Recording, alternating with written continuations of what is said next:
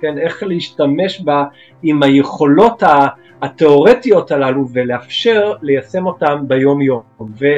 והתפקיד שלי, ככה אני רואה אותו בשנים האחרונות, זה להיות איזשהו גשר שבאמת יוכל לספר uh, לכולנו, כן, לכל האנשים, איך אפשר להשתמש במוח בצורה הטובה, היעילה, הנכונה, המדויקת יותר, ובכך לאפשר שיפור בחיים הבריאותיים, בנפש, בגוף, ו- וכמובן גם בהקשרים נרחבים אחרים שהמוח אה, אמון עליהם.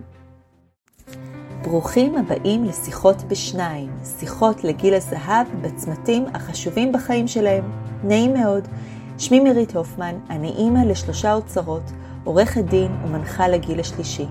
אני חברה בארגון בינלאומי של נאמנויות, שקוראים לו סטפ, מרצה על צוואות וייפוי כוח מתמשך, וכותבת באתרים שונים ברשת על מערכת היחסים בין ילדים להוריהם המבוגרים, ועל הצרכים היומיומיים של המשפחה הבין-דורית.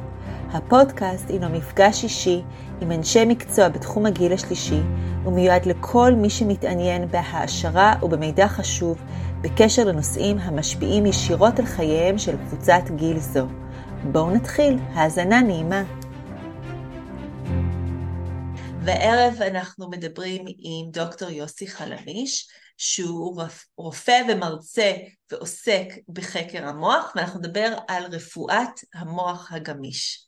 אז uh, אני אתן לך את הבמה, דוקטור יוסי חלמיש, קודם כל בוא קצת uh, תציג את עצמך. כן, תודה.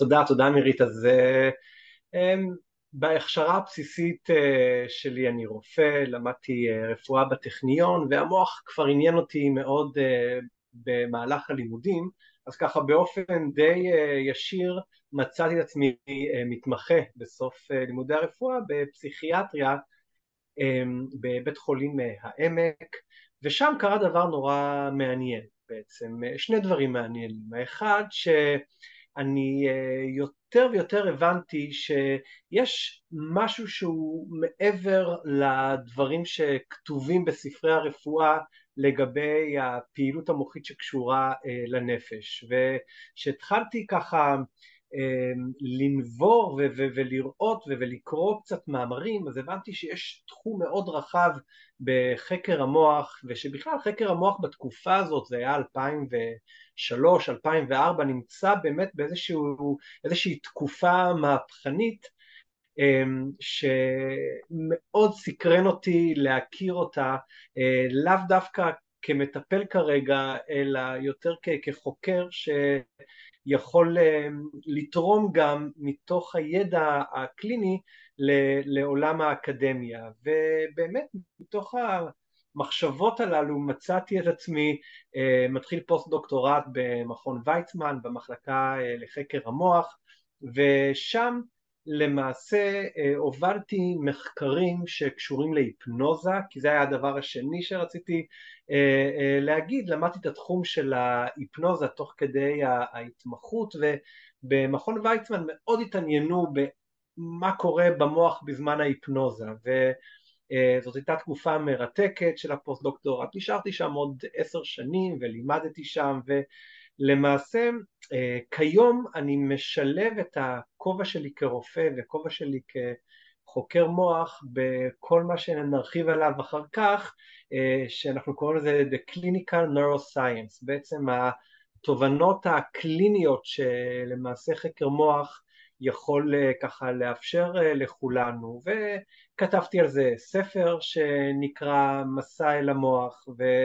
אני מרצה על זה, אני מטפל בגישה הזאת וגם שמח מאוד להיות כאן אה, איתך אה, נירית ואיתכם ולספר לכם באמת על, אה, אמ, על, על הרפתקה מופלאה שלי עם כל הנושא הזה וכמה אפשר אה, עוד לדעת על המוח שביכולות הטבעיות שלו יכול אה, לתקן כל מיני שיבושים גם גופניים וגם אה, נפשיים ואלו פשוט יכולות טבעיות ש, שכדאי להכיר וזה מה שאני עושה היום בשנים האחרונות. מהמם, נשמע ממש ממש ממש מעניין. אז אנחנו אמרנו שאנחנו מדברים על המוח הגמיש, אז בוא תסביר לנו בכלל את המונח הזה, מוח גמיש. כן, אז אמ, אם נלך קצת אחורה, אז באמת גם במאה העשרים היה ברור לכל חוקרי המוח שהמוח הוא האיבר הכי חשוב בגוף, כן? וכמובן שהם לא טעו. המוח קשור לתנועות שלנו, הוא קשור לכל החושים שלנו, אה, בזכות המוח אנחנו רואים ושומעים וכולי, הוא קשור לכל הקוגניטיביות שלנו ולרגשיות שלנו והוא קשור גם לבריאות הפיזית שלנו כי למעשה אה, המוח מייצר בקרה על הלב ועל הכלי דם ועל רמות הסוכר ועל המערכת החיסונית ועל כל אה, איבר ואיבר בגוף. את כל זה יודעים גם במאה העשרים. אבל במאה העשרים ההבנה היא שהמוח שלנו הוא למעשה עושה את כל הדברים הנפלאים האלה הודות לתאי הצו שקיימים בו. ואכן יש לנו תאים שנקראים תאי הצו או נוירונים ויש לנו מיליארדים כאלה, כן, עשרות uh, מיליארדים כאלה אבל הבעיה שנתקלו איתה uh, במאה העשרים ולא הייתה לזה שום תשובה uh, uh, הבעיה הייתה שכל יום מתים לנו כמה מאות נוירונים כאלה, כן? והם מתים, זהו, הם לא חוזרים אחר כך אה, בחזרה, וזה קורה החל מגיל 25. וחוקרי המוח במאה ה-20 אמרו, איך נבוא לבני אדם ונגיד להם שיש להם מוח מדהים, שיכול אה, להשתכלל ולצבור, ועם המהלך של, ה, של תאי העצב, שהם אלו שאחראים בעצם על התפקוד המוחי, אה, הכמות שלהם רק הולכת ויורדת החל מגיל 25 ובאמת חקר המוח היה במין פלונטר כזה אה, במהלך כל המאה ה-20 והכל השתנה במהפכה שהתחילה במאה ה-21. אז תראו מה קורה במהפכה כי, כי נורא כולם רצו להגיד שהמוח האנושי יכול אה, להשתפר כל הזמן וגם בגיל המבוגר וגם בגיל הצעיר וזה יכולת מולדת אבל במאה העשרים אי אפשר היה להגיד את זה שרואים שמספר התאים הולך ויורד במאה ה-21 הרבה הודות לחוקרת בשם פרופסור ריטה לוי מונטלצ'יני, כן, אם בא לכם קצת להסתכל עליה בוויקיפדיה, אתם פשוט תכירו אישה מופלאה ש... היא הראשונה שהבינה שיש פה איזשהו שינוי קטן לכאורה שצריך לעשות אבל הוא מייצר מהפכה שלמה בכל מה שקשור לתפקוד ולהבנת המוח והשינוי הקטן שהיא ביקשה מאיתנו לעשות והיא קיבלה פרס נובל כי היא הראתה שזה באמת עובד, קיבלה פרס נובל ב-1985 היה ש... במקום להסתכל על תאי, על התאים עצמם במוח, על הנוירונים, היא הציעה לכולנו בואו נסתכל על הקשרים בין התאים, כן? כי כל תא כזה יש לו מלא מלא קשרים, וידעו את זה גם במאה העשרים, אבל אף אחד לא הסתכל יותר מדי על הקשרים, כולם הסתכלו רק על התאים עצמם. והיא הראשונה שביקשה בואו נזיז את הפוקוס. וכשהתחלנו להזיז את הפוקוס ראינו כמה נפתח ככה עולם שלם אה, בפנינו כי דבר ראשון אין גבול למספר הקשרים שכל תא יכול לייצר דבר שני הקשרים הללו כל הזמן יכולים להיווצר מחדש כלומר אין דבר כזה שהמצב הוא קבוע עכשיו עם הקשרים כל הזמן אפשר לייצר קשרים חדשים והדבר השלישי והחשוב ביותר וזאת הייתה המהפכה זה שהתפקוד המוחי הוא למעשה אה, מתקבל לא הודות לתאים עצמם, אלא הודות לקשרים בין התאים. ופח, זה כבר אפשר לכל חוקרי המוח לחייך חיוך רחב, כי באופן טבעי יש לנו יכולת לייצר קשרים חדשים, זה, זה כמו היכולת הטבעית של האור לשחזר את עצמו, כן? זה לא משנה בני כמה אנחנו, גם בני 80 אה, ואנחנו יכולים להיות עם חתך אה, בעור ואחרי כמה זמן החתך הזה פשוט אה, יעבור איזושהי, אנחנו קוראים לזה רגנרציה, שחזור שלמעשה לא נראה בכלל שקרה שם משהו כי לאור שלנו יש יכולת טבעית להשתחזר, כן? ואותו דבר גם קשרים במוח, יש כל הזמן את היכולת אה, אה, להתווסף ו- ולהשלים את עצמם ומתוך כך אנחנו מבינים שבאמת ה- אין גבול ליכולת המוחית להתפתח. עכשיו רק בואו נבין מה זה אומר. כן, כן, זה אומר שאפשר uh, לזכור טוב יותר דברים ושיווי משקל טוב יותר, אבל זה גם אומר שהבריאות הפיזית שלנו יכולה להיות במגמת שיפור, כי אמרנו שלמוח יש את התפקוד של הבקרה על כל האיברים בגוף ומערכת החיסון בגוף. אז תשמעו, זה, זה נפלא וזה טוב, אבל זהו, זה לא שעכשיו אפשר אז uh, לסגור את הראיון ולהגיד אז אוקיי, אז יש לנו מוח מדהים, תודה רבה להתראות, כן? אני תמיד uh, משווה את זה לזה שלאדם יכול להיות את הסלולרי, כן, המשוכלל ביותר בעולם והטוב ביותר בעולם, אבל אם הבן אדם לא יודע איך מתקינים את אפליקציית Waze, אז uh, זה לא משנה שיש את הטלפון הכי טוב בעולם, הוא עדיין יהיה תקוע בפקקים, כן? אז גם לנו יש את המוח הכי מדהים בעולם, עם הפוטנציאל הענק הזה להשתפר כל הזמן וכולי, אנחנו צריכים פשוט לדעת איך להשתמש באפליקציה הזאת, כן, איך להשתמש בה עם היכולות התיאורטיות הללו ולאפשר ליישם אותן ביום יום. והתפקיד שלי, ככה אני רואה אותו בשנים האחרונות, זה להיות איזשהו גשר שבאמת יוכל לספר uh, לכולנו, כן, לכל האנשים איך אפשר להשתמש במוח בצורה הטובה, היעילה, הנכונה, המדויקת יותר, ובכך לאפשר שיפור בחיים הבריאותיים, בנפש, בגוף, וכמובן גם בהקשרים נרחבים אחרים שהמוח אה, אמון עליהם. וואו, זה נשמע מרתק, וגם בשורות מאוד מאוד טובות, מאוד אה, אופטימיות. אז, נכון. אז בואו, אם אנחנו ניקח את זה צעד אחד קדימה. אנחנו יודעים, או רובנו יודעים, שיש קשר בין גוף לנפש. בוא תסביר לנו עכשיו איך ההשלכות האלה, שמה שאתה מסביר כמוח גמיש, איך זה בעצם מתקשר לגוף ונפש, מה אפשר לעשות עם זה?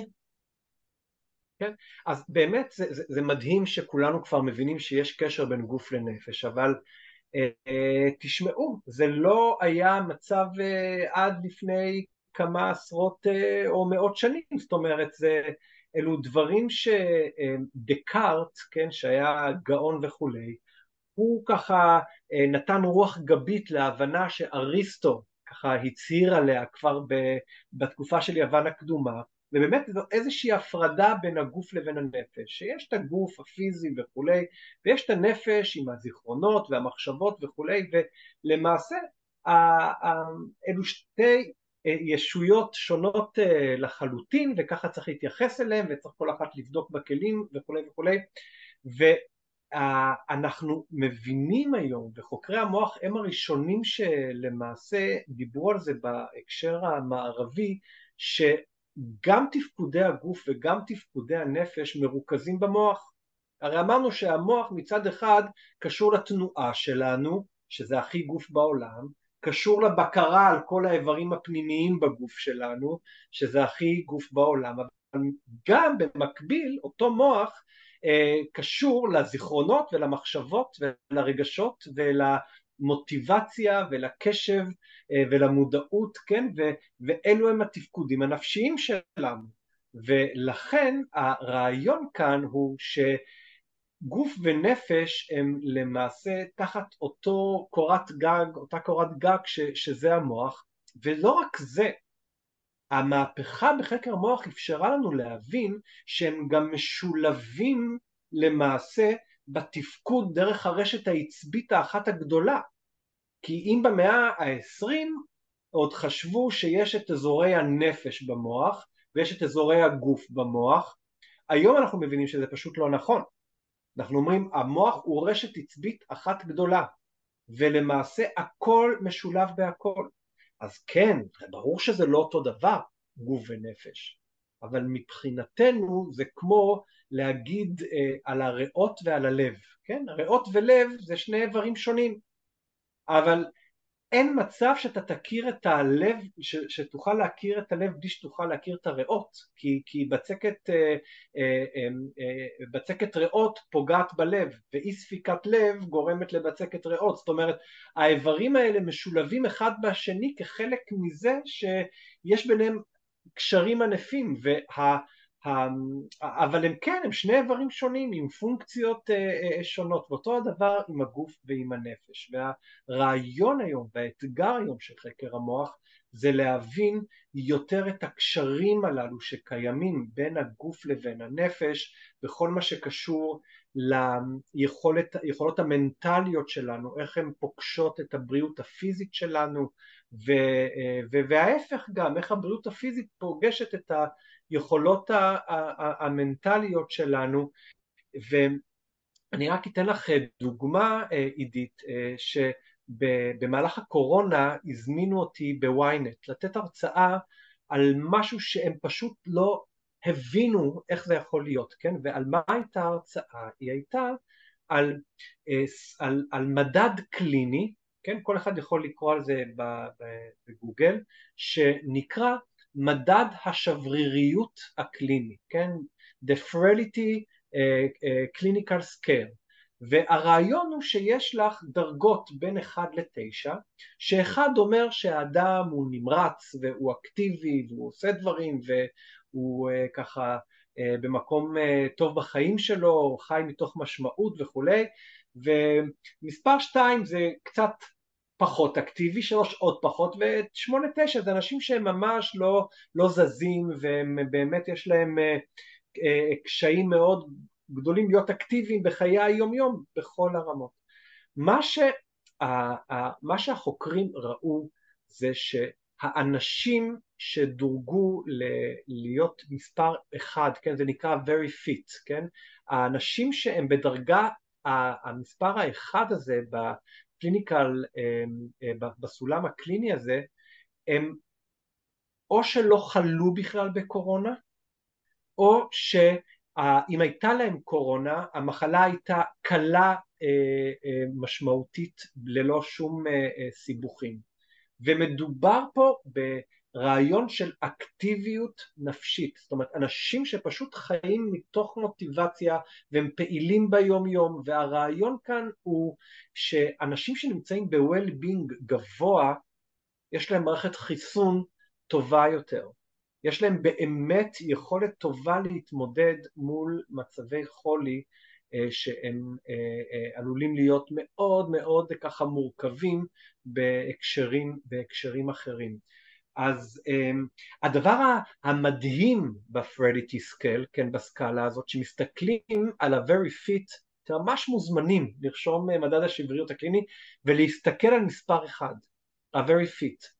ודבר מדהים זה, אני אגיד לכם מה כתוב שם, תגידו לי, נסי להגיד לי עידית אם את מבינה מה מדהים. אוקיי. Okay. במספר אחד כתוב, האנשים שנמצאים בדרגה הזאת הם אנשים אה, שפעילים ביום יום, גם אה, בקוגניציה וגם בתנועה, אלו אנשים שיש להם הרבה מוטיבציה וחיוניות והם אה, תמיד אה, נראים יותר או עוסקים בפעילות גבוהה יותר יחסית לגילם, אוקיי? זה מה שכתוב באחד, ומי שנמצא באחד הוא למעשה עם איזושהי מערכת חיסון באמת טובה שתוכל להעביר אותו את הקורונה, הכל על פי מחקרים, כן? באופן אה, קל. עכשיו אם זה קורונה זה גם מחלות אחרות, כן? קורונה זה רק אה, דוגמה שעליה עשו את המחקרים. אה, שמת לב מה מיוחד בדבר הזה כאן? אני לא יודעת אם שמתי לב מה מיוחד בדבר הזה, אבל מה שזה אצלי okay. אוקיי. מקשר, שני דברים. אוקיי. Okay. באמת רואים שאחרי הקורונה, בגלל הבדידות והסגרים שהיו לאנשים מבוגרים כאיזושהי מטרה לשמור עליהם, זה, יש הרבה הידרדרות פיזית לאנשים מסוימים, זאת אומרת את רואה, נגיד אני יכולה לראות על קרובי משפחה שלי וכל אחד בטוח על קרובי משפחה שלו, את ה-before ו-after הקורונה מבחינה פיזית וזה מאוד מושפע מהעובדה שהם היו מבודדים והם היו לא פעילים מבחינה מנטלית אני מדברת, וזה מאוד השפיע על, גם על ה-state of mind, אבל גם מבחינה פיזית, על כל מיני דברים שאחר כך התפתחו להם. לגמרי, לגמרי. אמ, וגם זה, זה מאוד, אה, כשאתה מדבר, אז זה מאוד מעביר אותי את כל ה... הרי יש את התוכנית 84, ובתוכנית 84 לקחו את אה, אנשים מבוגרים ולקחו גן ילדים והכניסו את זה לתוך איזשהו דיור מוגן ועשו להם כן. בדיקות של לפני ואחרי, בדיקות פיזיות של לפני ואחרי וראו שבעקבות העובדה שהם באמת הרגישו חיוניים ושהם עוזרים ושהם פעילים ומשמעותיים, בעיקר משמעותיים לילדים הקטנים האלה, איך זה באמת עזר להם לקדם אותם מבחינה פיזית בשיווי משקל, בהליכה, בלחץ דם שלהם, בכל מיני דברים אחרים ש, שהם היו פחות טובים להם לפני כן.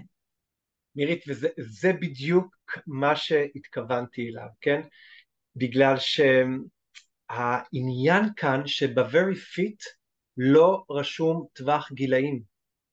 אדם יכול להיות ב-very fit שהוא בן 90, בטח שהוא גם בן 84, ובתכלס אם הוא יהיה פעיל והוא יהיה חיוני והוא יהיה אדם שככה עם מוטיבציה לחיים ומשמעות לחיים הוא יהיה ב-very fit, הוא או היא כמובן, כן? ואין שום התייחסות לגיל וזה הדבר המדהים, זה כבר עבר את כל המחקרים ואת כל ההיבטים הקליניים שראו את האנשים האלה גם בהקשר של קורונה והעניין כאן הוא שבאמת שאמרו לנו תקשיבו גיל מבוגר אתה נמצא בקבוצת סיכון אז יש ביצה ויש תרנגולת וזה בדיוק מה שאת אמרת. כי הרעיון הוא כן סטטיסטית ככל שאתה מבוגר יותר אתה פחות פעיל. אבל בתכלס זה לא הגיל שיצר לך את המקום הזה שאתה בקבוצת סיכון. זאת העובדה שהיית פחות פעיל. נכון. וזה משהו שמאוד מאוד כדאי ככה להפנים אה, בהקשר הזה וזאת דוגמה חשובה לקשר הזה בין גוף אה, אה, לנפש והיבט נוסף שקשור לקשר הזה זה כל הנושא של הסטרס היית רוצה שאני קצת אדבר עליו? אני אשמח מאוד, אני אשמח מאוד. בואי נדבר באמת על סטרס, מה קורה בסטרס? אוקיי, אז היום אנחנו מבינים שסטרס זאת ממש מגפה ובואו נסביר קודם כל מה זה הסטרס הזה ואיך זה מתבטא ו- ומה התוצאות הבעייתיות ש- שקשורות לו. מצב של סטרס זה מצב שבו אנחנו נמצאים באיזשהו איום אה, מבחינת ה- ה- היומיום שלנו, מבחינת החיים עצמם, אבל משהו נורא מעניין.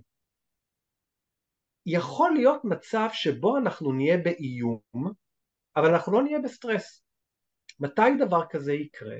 כאשר אנחנו, אה, אה, אנחנו נמצאים אמנם תחת איום, אבל אנחנו באיזשהו מקום מאוד הם, הם, הם, מבינים את זה, מקבלים את זה שאנחנו במקום הזה, ומכאן אנחנו אקטיביים מול העולם בשביל לשפר לנו את ה-well-being שלנו. אה, מתי, ואז אין סטרס, כן, אנחנו מכירים את זה, אה, יש איזה מושג שנקרא אווירת סיירת, כן, זה, זה אומר שאתה נמצא באיזשהו מקום שבאמת מאוד מלחיץ, אבל אתה נמצא עם חברים טובים, ואתם כולכם נמצאים ביחד במקום הזה, ואז למרות שאתה אתה מאותגר כל הזמן ואתה באמת באיזשהו מקום של אה, איום, מבחינת המוח, המוח בשיא, הוא פועל טוב, אתה ב-well-being גבוה, כי אתה עובד מתוך משמעות וזה לא משנה שאתה נמצא במקום מלחיץ. מי שהבין את זה מתוך התופת הכי נוראית בעולם זה, זה, זה היה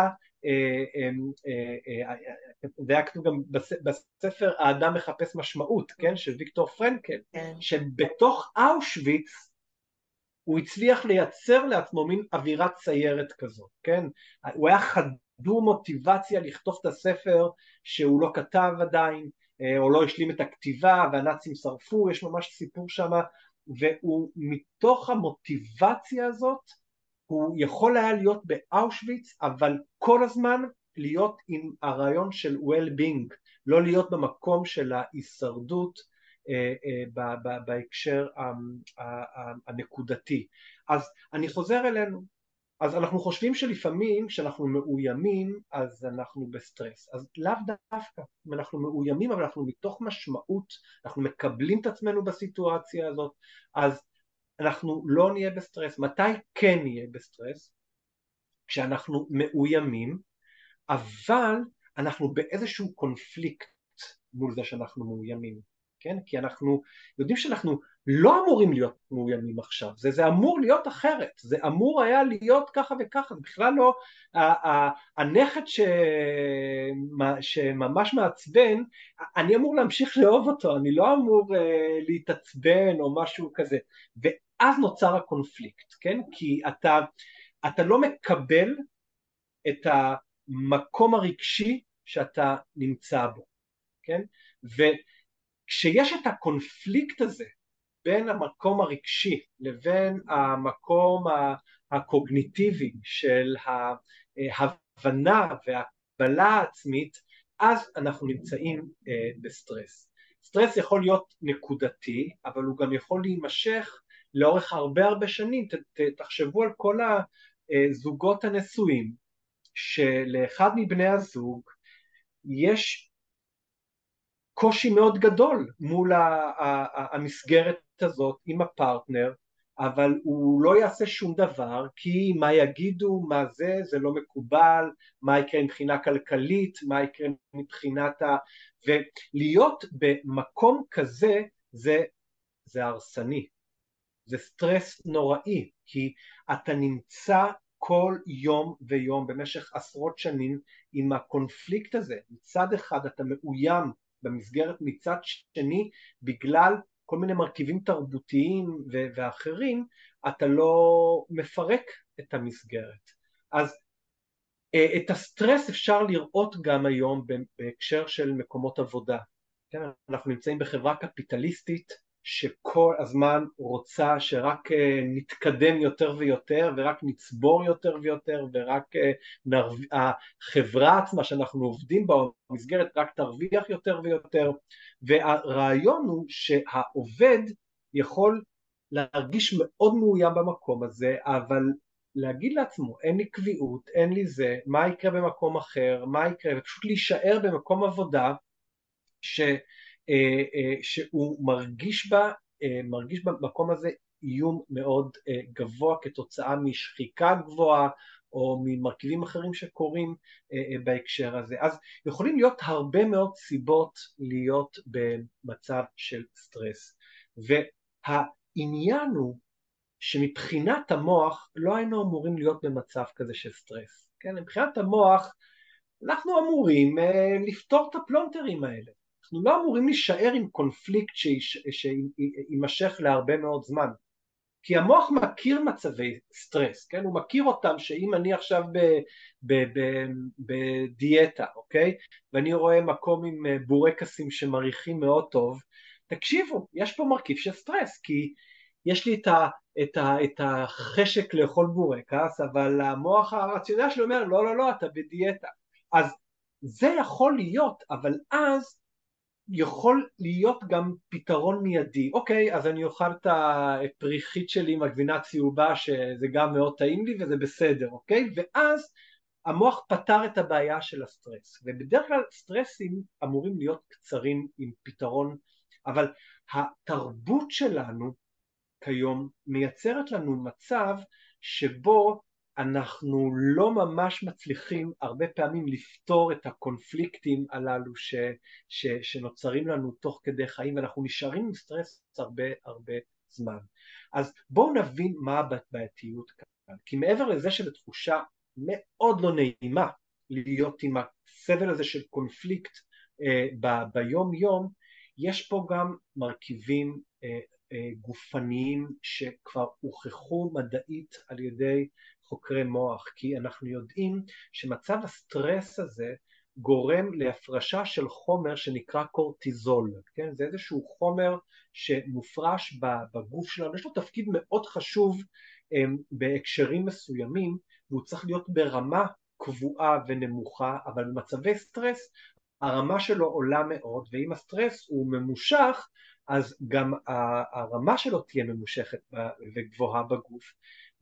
והורמון הקורטיזול גורם בהקשר אה, של ריכוז גבוה לפגיעה במערכת החיסון, לפגיעה בכל מה שקשור ללב ולכלי דם ולמוח ולזרימה של הדם ולטרשת עורקים ולהרבה מאוד חולי שאנחנו מכירים, לגידולים סרטניים ולמחלות אוטואימוניות, כן, מחלות שבהן הגוף תוקף את עצמו ואנחנו מתחילים יותר ויותר להבין איך הסטרס בעצם הוא הרבה פעמים המקור של כל הבעיות הללו ולכן יש היום מבחינת חקר מוח הבנה שצריך להתמודד עד כמה שאפשר עם המצב הזה של סטרס ואפשר להתמודד בו בדרכים מאוד מאוד טבעיות. עכשיו, משהו נורא מעניין לגבי זה, זה שבעוד חקר מוח ממש מוציא מאמרים שהתפרסמו בעיתונים המדעיים הטובים ביותר, בסייאנס ובנייצ'ר ובעיתונים חשובים ביותר, את הסיפור של הסטרס ועד כמה הוא בעייתי ועד כמה הוא גורם וקשור לסרטן ומחלות אוטואימוניות וכל מה שאמרנו, למערכת הרפואית יש בעיה עם זה. המערכת הרפואית יש לה בעיה, שימו לב עם מה, שזה זה, זה פשוט מרתק ולא ייאמן ואני, יודעים, אני עם כובע אחד של רופא, אז, אז אני יכול להגיד את הדברים האלה. למערכת הרפואית יש בעיה בלהכיר בקשר בין גוף לנפש. ולמעשה, כשאני למדתי רפואה, ומי שלומד רפואה היום, אין שום הקשר כזה, למרות שהוא כתוב במחקרים, למרות שזה סייאנס, כן?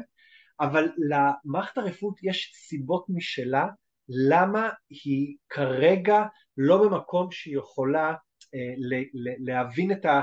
או לקבל את הקשר הזה עם כל ההשלכות שלו. אז יש סיבה אחת שזה כל הסיפור של חברות תרופות שיוצרות לחץ מאוד מאוד uh, uh, כבד כדי שאם יש לך יתר לחץ דם אז בוא תיקח תרופה ליתר לחץ דם, כן? למה שתלך לטפל בסטרס שלך או משהו כזה או אם נתחיל לטפל בסטרס אז לא יהיה יותר לחץ דם, יהיה פחות סרטן, יהיה פחות זה ואז חברות תרופות יהיו בבעיה.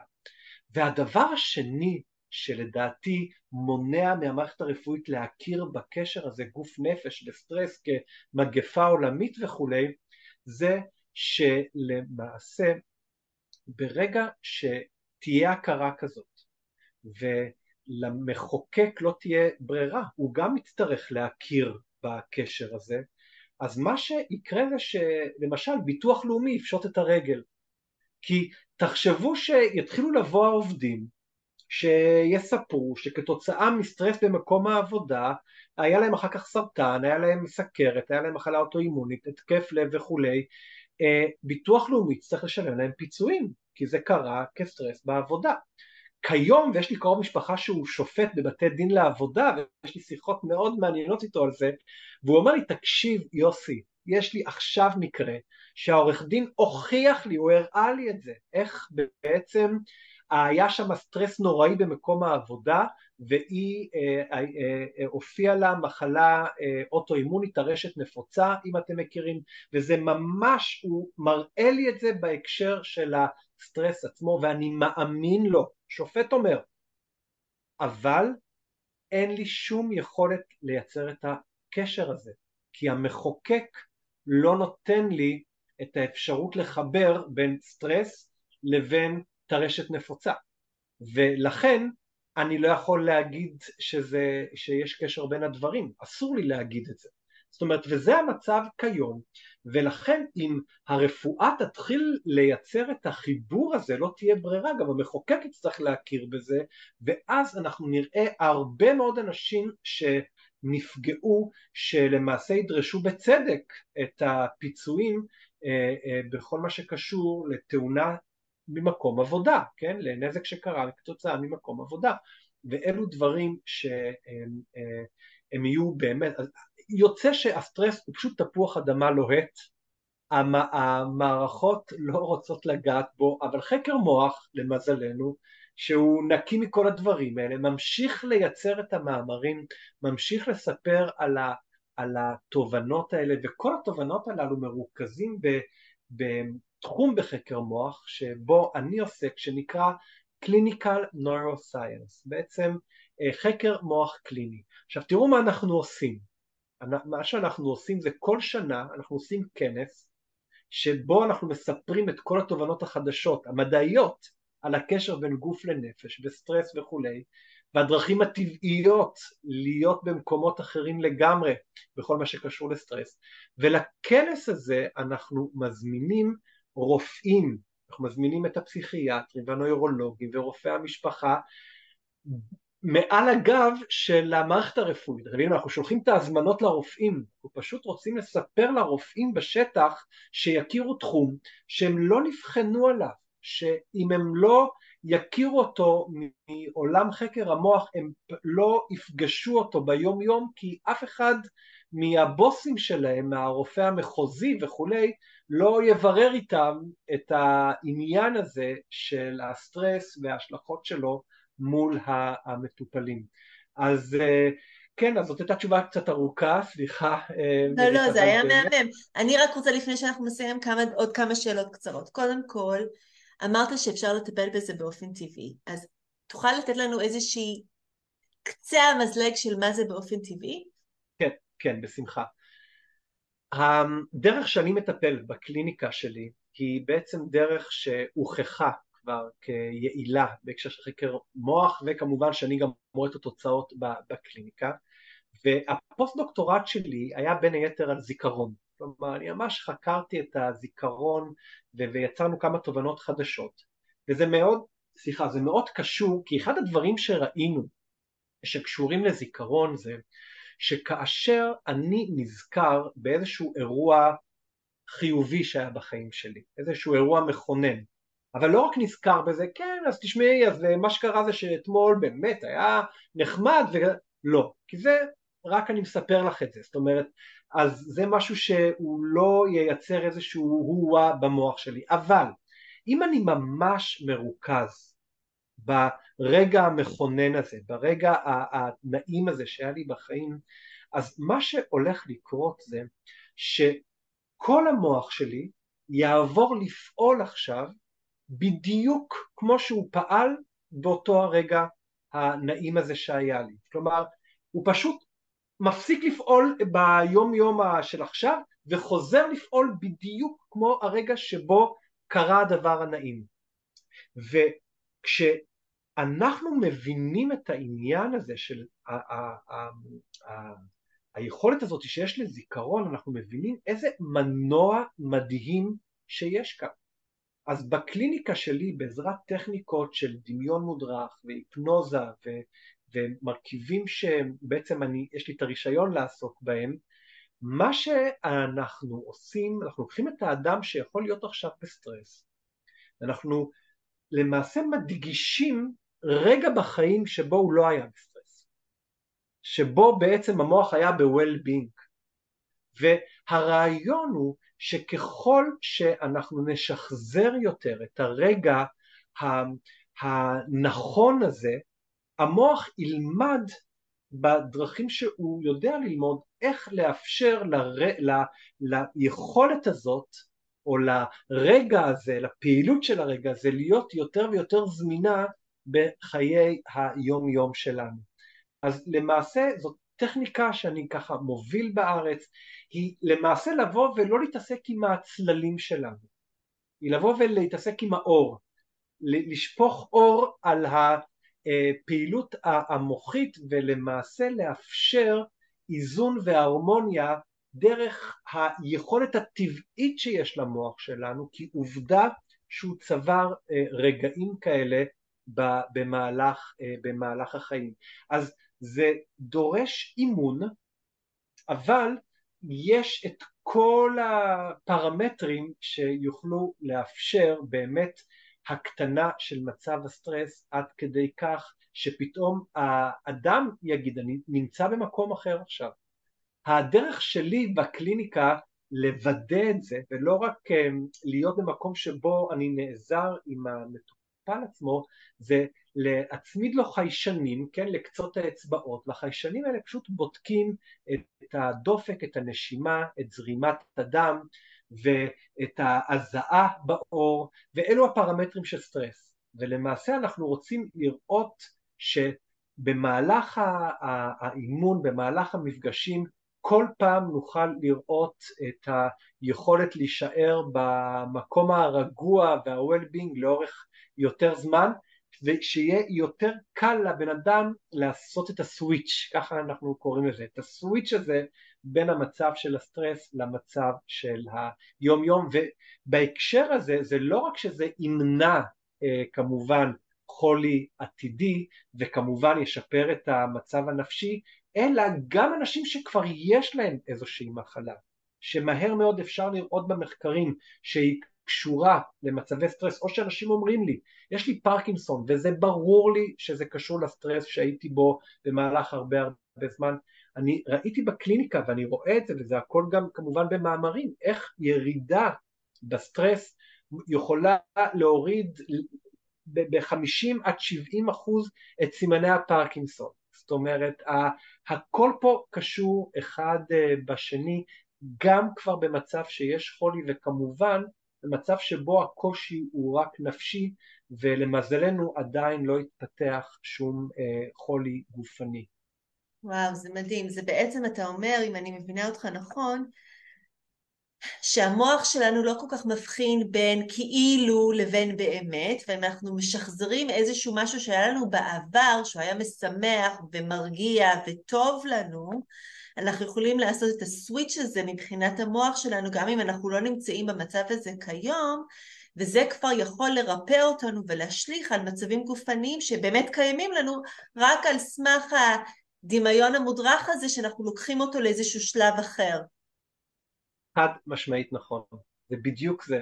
והרעיון כאן הוא, הדבר היפה הוא שהכל מבוסס על חקר מוח של החמש שנים האחרונות, ושלמעשה זה, זה כל כך פשוט, זאת אומרת זה באמת טבעי וזה, אמ, ושוב להבין שיש לנו מוח מדהים, אנחנו פשוט צריכים להכיר אותו יותר, להבין יותר איך אה, להשתמש בו ואיך לדייק את הפעילות שלו כדי שנוכל לקבל את כל הדברים המופלאים בהמשך. את יודעת, אולי לקראת סיום, אה, מירית, שממש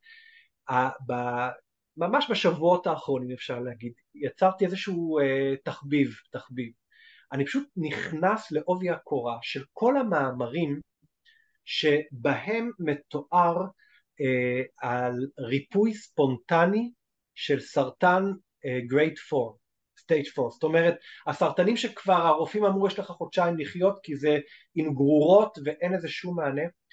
ואני פשוט נכנסתי לעובי הקורה לראות את ה-case reports, לראות את, ה, את אנשי ה-PhD שעשו את, ה, את הדוקטורט שלהם על העיבוד של מחקרים כאלה והתמונה פשוט משחזרת את עצמה האנשים האלה ששואלים אותם מה עשית מהרגע הזה שאמרו לך שיש לך עוד חודשיים לחיות וזה, אז הוא אמר דבר ראשון החלטתי שאני אקטיבי ואני לא מוותר. דבר שני למדתי לאהוב את עצמי, לאהוב את האחרים ולמדתי אה, אה, להיות במקום שבו אני מתוך חוסר הפחד שאני מרגיש להביא את עצמי אל העולם כמו שאני. ו... אם הייתי רוצה לסכם בצורה הטובה ביותר מה זה לחיות חיים שהם אנטי סטרס, אלו בעצם הדברים האלה, וזה פשוט מדהים, את יודעת, זה, זה תחום אפור, זה לא מדעי הדברים האלה, אבל זה מדעי בהקשר שזה קורה, וזה אלפים בשנה, ועוד פעם, סרטן עם גרורות שהרופאים כבר אמרו שאין שום סיכוי, כן? והגרורות נעלמו, והאדם עברי והחלים מסרטן.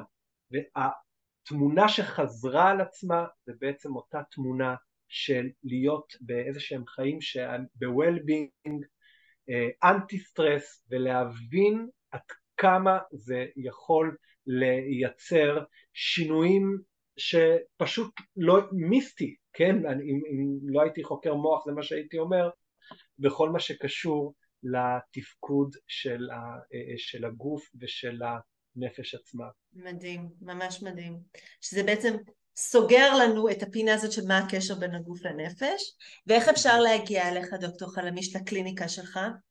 אה, אז תודה. אה, אז באמת אני מטפל בתל אביב, ואני יכול לתת את המספר טלפון שלי, אם להודעות וואטסאפ, זה בסדר? בטח. כן? אוקיי. אז המספר אה, טלפון שלי להודעות וואטסאפ זה 054 243 0177 כן, אני אחזור על זה. 054 243 0177 אז אני כן אשמח הודעות וואטסאפ ואז בהחלט אה, לתאם אה, דרך זה. יופי, אני בנימה אופטימית זו, ממש בנימה אופטימית זו, תודה רבה רבה על השיח. תודה שהאזנתם לעוד פרק בפודקאסט שיחות לגיל הזהב בצמתים החשובים בחיים שלהם. אני מקווה שנהניתם ושהועשרתם בידע חשוב. אל תשכחו להקליק על follow או subscribe כדי שתוכלו להתעדכן בפודקאסטים הבאים, וכמובן תשתפו הלאה ותזמינו חברים להאזין, כדי שגם הם יוכלו ליהנות מהשיח כאן. אתם גם מוזמנים לבקר באתר שלי www.lawmirit.com ולעקוב אחריי בפייסבוק למידע נוסף ולידע משפטי בנוגע להעברה בין-דורית ולצרכים השונים של אוכלוסיית הגיל השלישי. אני כבר מחכה לכם עם הקפה בפודקאסט הבא.